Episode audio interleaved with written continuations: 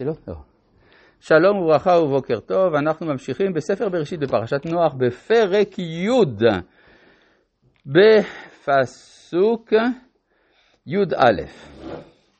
כן, אז למדנו, מן הארץ ההיא יצא אשור, ויבן את ננבה ואת רחובות עיר ואת קלח, ואז התחלנו בדיון בשאלה מדוע אשור הוא לא בעצם, הוא לא בעצם אברהם.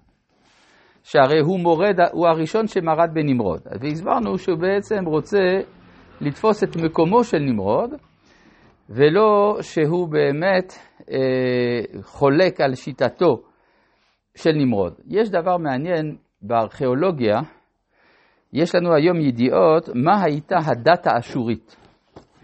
הדת האשורית הייתה אה, בנויה באופן כזה, שהאמינה ש...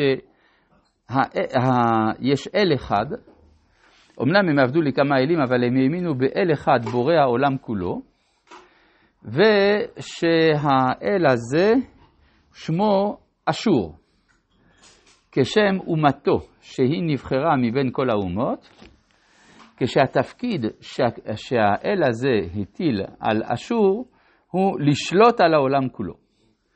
כלומר, עד השורה האחרונה זה דומה לרעיון האוניברסלי של עם ישראל, השורה האחרונה אומרת את ההפך. זה בעצם שתלטנות, להשליט את אשור על כולם, ולא שאשור ישרת את כולם, וזה די מתאים למה שניתחנו כאן בפסוק. פסוק י"ב: ואת רסן בין ננבה ובין קלח. היא העיר הגדולה. אז יש שאלה מה זה העיר הגדולה, האם זה ננבה או רסן או קלח. אבל מתוך ספר יונה אנחנו אומרים וננבה הייתה עיר גדולה לאלוהים, אז הכוונה דווקא לעיר הזאת. מה זה משנה רסן וקלח וכולי? אני לא יודע. פסוק י"ג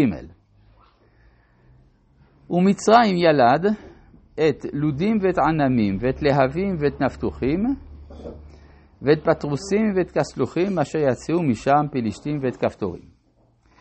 אז אה, מה זה מצרים ילד את לודים ואת ענבים, ענבים. עכשיו יש, יש, יש, אה, מדינה בשם לוד, או לידיה, באסיה הקטנה. עכשיו תגידו, מה זה קשור למצרים? אסיה הקטנה זה רחוק. אבל זה נכון שהמצרים זמן רב שלטו גם על האזור ההוא. יכול להיות שיש הד לדבר הזה כאן, או על כל פנים שהיו לוקחים אה, מס מה, מהלודים.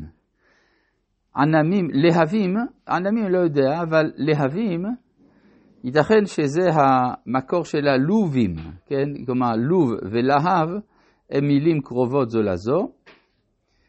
עכשיו, נפתוחים, אנחנו לא מוצאים, אה, אנחנו מוצאים הד דווקא לנפתוחים באזור ירושלים. יש מקום הנקרא מי נפתוח, או אם תרצו היום ליפתא, נפתוחים, מי נפתוח, אז יכול להיות שהנפתוחים היו שם באזור הזה.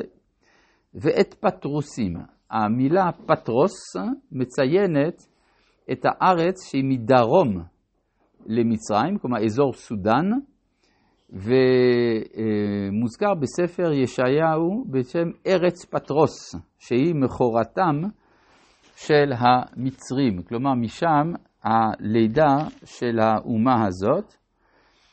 ואת אה, כסלוחים, אני לא יודע בכלל מי זה, אשר יצאו משם פלישתים. השאלה היא מאיפה יצאו הפלישתים. בזמן רב המחקר טען שהמקור של הפלישתים בים האגאי, באיים של הים האגאי, והם הפלסגוס שמוזכרים באליאדה של הומרוס, אבל המחקר האחרון מגלה ש... אכן הייתה ממלכה בשם פלשת, מצפון לארץ ישראל, באזור הנקרא היום קפדוקיה. עכשיו, מה שמעניין, שחז"ל אומרים שהפלישתים, מה שכתוב בספר הושע, והלא את פלישתים הוצאתי מכפתור, לא, בספר עמוס, פלישתים הוצאתי מכפתור, אז uh, חז"ל אומרים כפתור זה קפדוקיה, והנה התברר שזה גם נכון, כן. ואת כפתורים. יש אומרים, יש אי כפתור, שזה האי כרתים, אבל הכפתורים לא חייבים לעבוד מהאי עצמו, יכול להיות שהם הגיעו לשם. טוב, בכל מקרה, יש לנו פה מרחב שלם של התפשטות של מצרים על מזרח הים התיכון, וזה מצוין גם פה. וכנען ילד את צידון, בכורו, ואת חטא, ואת היבוסי, ואת האמורי, ואת הגרגשי, ואת החיבי, ואת הערכי, ואת הסיני, ואת הערבדי, ואת הצמרי, ואת החמתי, ואחר נפוצו משפחות הכנעני. יש, ב... יש שאלה שעלתה במחקר, מדוע לא מוזכרת פה צור? אם צידון מוזכרת, אז גם צור צריכה להיות מוזכרת. אז מה? אז היא לא מוזכרת, לא קרה כלום. אבל, אה, אז יכול להיות שצידונים זה גם כולל את הצורים.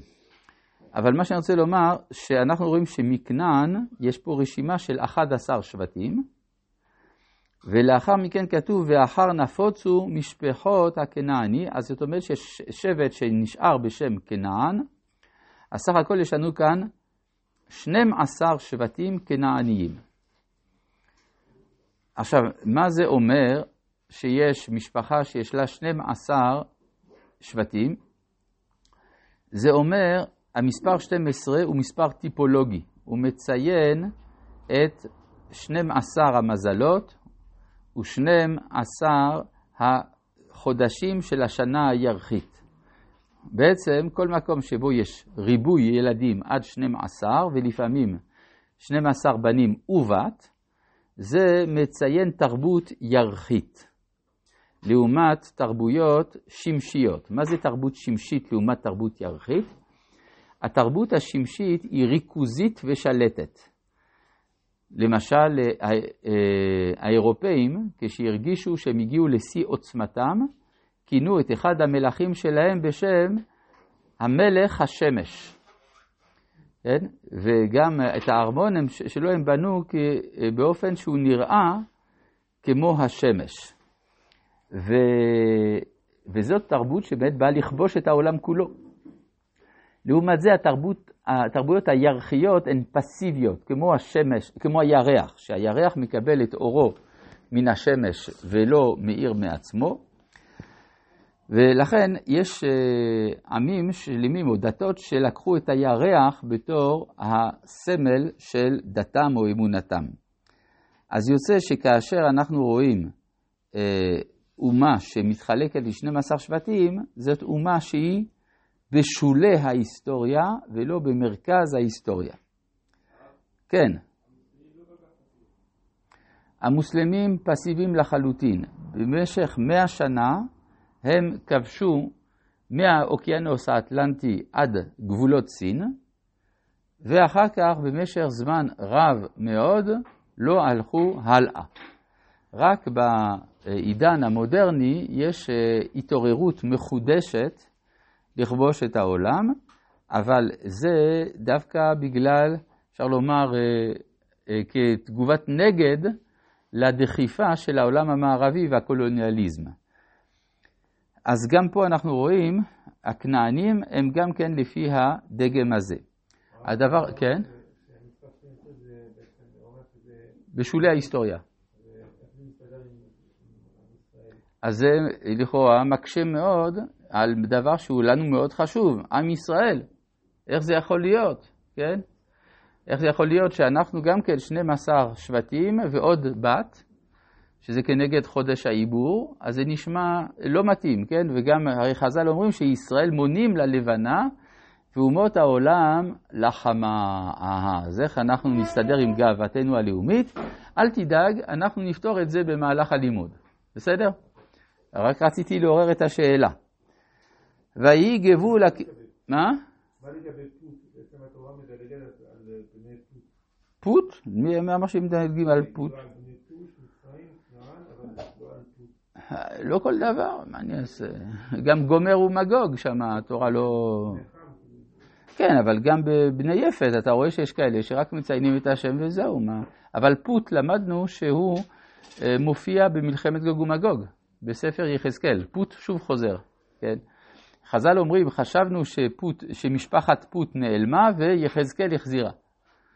אז כנראה שיש דברים שנשמרים לאחרית ההיסטוריה. כן? אז אנחנו עוד צריכים להמשיך את הדיון בהמשך.